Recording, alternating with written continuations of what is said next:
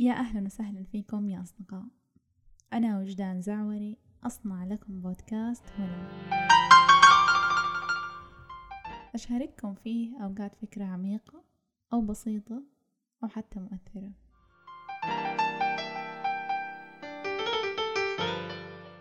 يا أصدقائي هذه الحلقة الرابعة. هذه الحلقة حتكون بعنوان هل أنتم من جد بخير؟ كم مرة سألك صديق أو سألتك أمك أو سألك أبوك؟ كيف حالك؟ وجاوبت زي ما كل الناس بتجاوب. بخير. بس في الحقيقة أنت مو بخير. اللي خلاني أعد لهذه الحلقة قبل فترة أرسلت لي مسارة زوجة أخوي على الواتساب. كيف حالك؟ وجدان؟ قلت لها الحمد لله بخير.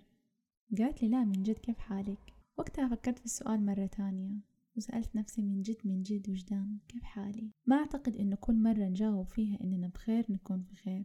كلنا اعتدنا نقول إننا بخير عشان نهرب من حقيقة إنه في مشكلة ولازم نحلها. كلنا نقول نحن بخير عشان ما نسوي أي خطوة جريئة تخرجنا من المكان اللي نحن فيه. طيب إيش رأيكم تكون صريحين؟ إيش رأيكم بفكرة إنه إذا ما كنا بخير نقول نحن ما إحنا بخير؟ مشاعرنا مو بخير. إذا كنا نحس بحزن نقول نحن مو بخير نحن نحتاج إن نكون بخير.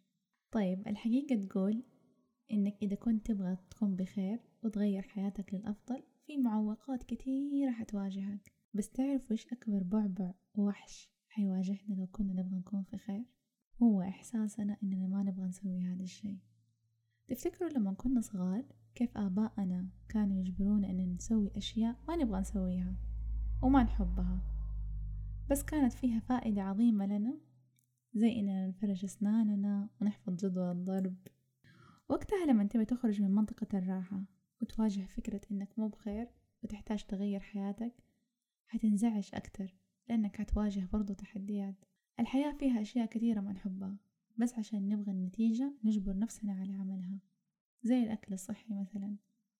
مين نقول إنه الأكل الصحي ألذ من الأكل المو صحي؟ بس برضو في ناس كثيرة تحب تاكل أكل صحي وشغوفة فيه لأن النتيجة اللي تحصل عليها تستحق إننا نتعب عليها. لازم كلنا نعترف عشان نحصل على اللي نبغاه. جدا بسيط بس مو سهل. بسيط لأنه بين يدنا بس فكرة إننا نسويه ونلتزم فيه أبدا مو سهل. مو سهل لأنه أوقات كثيرة لازم نجبر أنفسنا. يا أصدقائي في مقولة تقول الشيء اللي يخليك مرتاح هو نفس الشيء اللي يدمرك. والشيء اللي يخليك تحس بالمشقة هو الطريق الوحيد اللي حيخليك تتطور. طيب أبى أحكيكم حكاية إنسان. آه هذا الإنسان كان يشتغل في وظيفة رهيبة براتب رهيب جدا.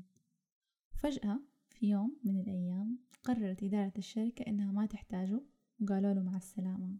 يقول هذا الإنسان قعدت أبكي وقعدت ثلاثة ساعات على سريري متكمكم زي الطفل. أقول إيش أسوي؟ وبعدها صحي قرر إنه هو يسوي دراسة عن عدم الشعور بالارتياح وعلاقته بالنمو. يقول هذا الإنسان إنه بناء وتطور الإنسان بالضبط زي سمك الزينة اللي يحدد نموها هي البيئة اللي تعيش فيها.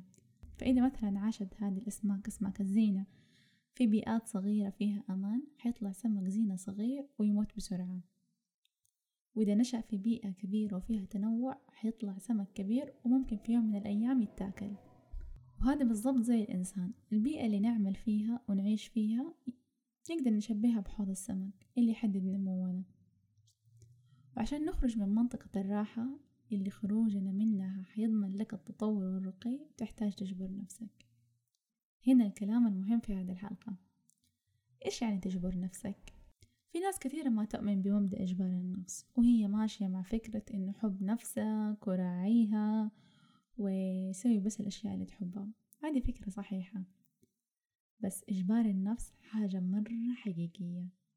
أنا أؤمن إنه لو ما أجبرت نفسي على أشياء كثيرة ما كنت في المكان اليوم اللي أنا فيه. أجبرت نفسي أتعلم لغة أجبرت نفسي أكل أكل مو لذيذ عشان صحتي أجبرت نفسي أتوقف عن أشياء كثيرة كانت ممتعة لي بس أعرف أثرها السلبي على المدى البعيد حيدمرني.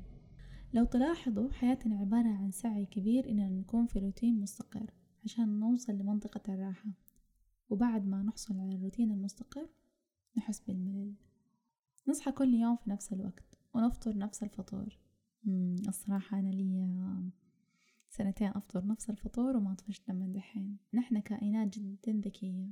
أجسامنا زي كأنها جهاز لاسلكي لإرسال إشارات. إذا كنا بحاجة للطعام حنحس بالجوع. بس لما تحس إنك عالق أو غير راضي عن حياتك هي إشارة واضحة إن حياتك مو بخير وحياتك محطمة وتحتاج لتغيير. وإن واحدة من أهم احتياجاتك الأساسية غير متوفرة وهي حاجتك للاستكشاف وأن تنمو. آه في بعض العلماء يقولوا إنه طالما نحن مستمرين بعمل نفس الشيء والتفكير بنفس الطريقة في النهاية حنتوقف عن النمو. كل شيء حول حياتك وحول جسمك قاعد ينمو.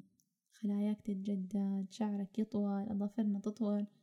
كل شيء قاعد ينمو طيلة حياتنا. بس في شيء مو قاعدين نحط له البيئة والغذاء المناسب للنمو وهي أرواحنا. طيب أنا أعتقد أنه أرواحنا ما راح تنمو إلا من خلال الاستكشاف. عشان تحقق الاستكشاف لازم تجبر نفسك إنك ما تكون مرتاح. كيف حتكتشف جمال الغروب وإنت ما أجبرت نفسك إنك تقوم من سريرك الدافئ؟ تذكروا يا أصدقاء إن كل الأشياء الحلوة حتحصل فقط خارج منطقة الراحة. ما عمرك حتحس إنك تحب التغيير. لازم تجبر نفسك إنك أنت تغير. في بعض الناس يقولوا لك لازم تسوي الشيء اللي ما تحس إنك تحبه. آه الخروج من منطقة الراحة ما يدور حول فكرة إننا نحط نفسنا في المخاطر.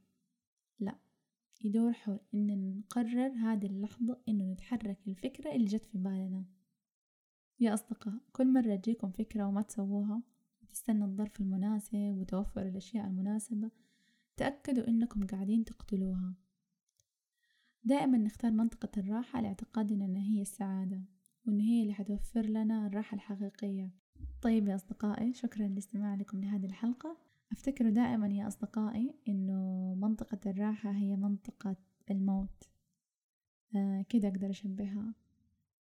حاولوا تخرجوا من المكان اللي أنتوا فيه. سووا شيء جديد.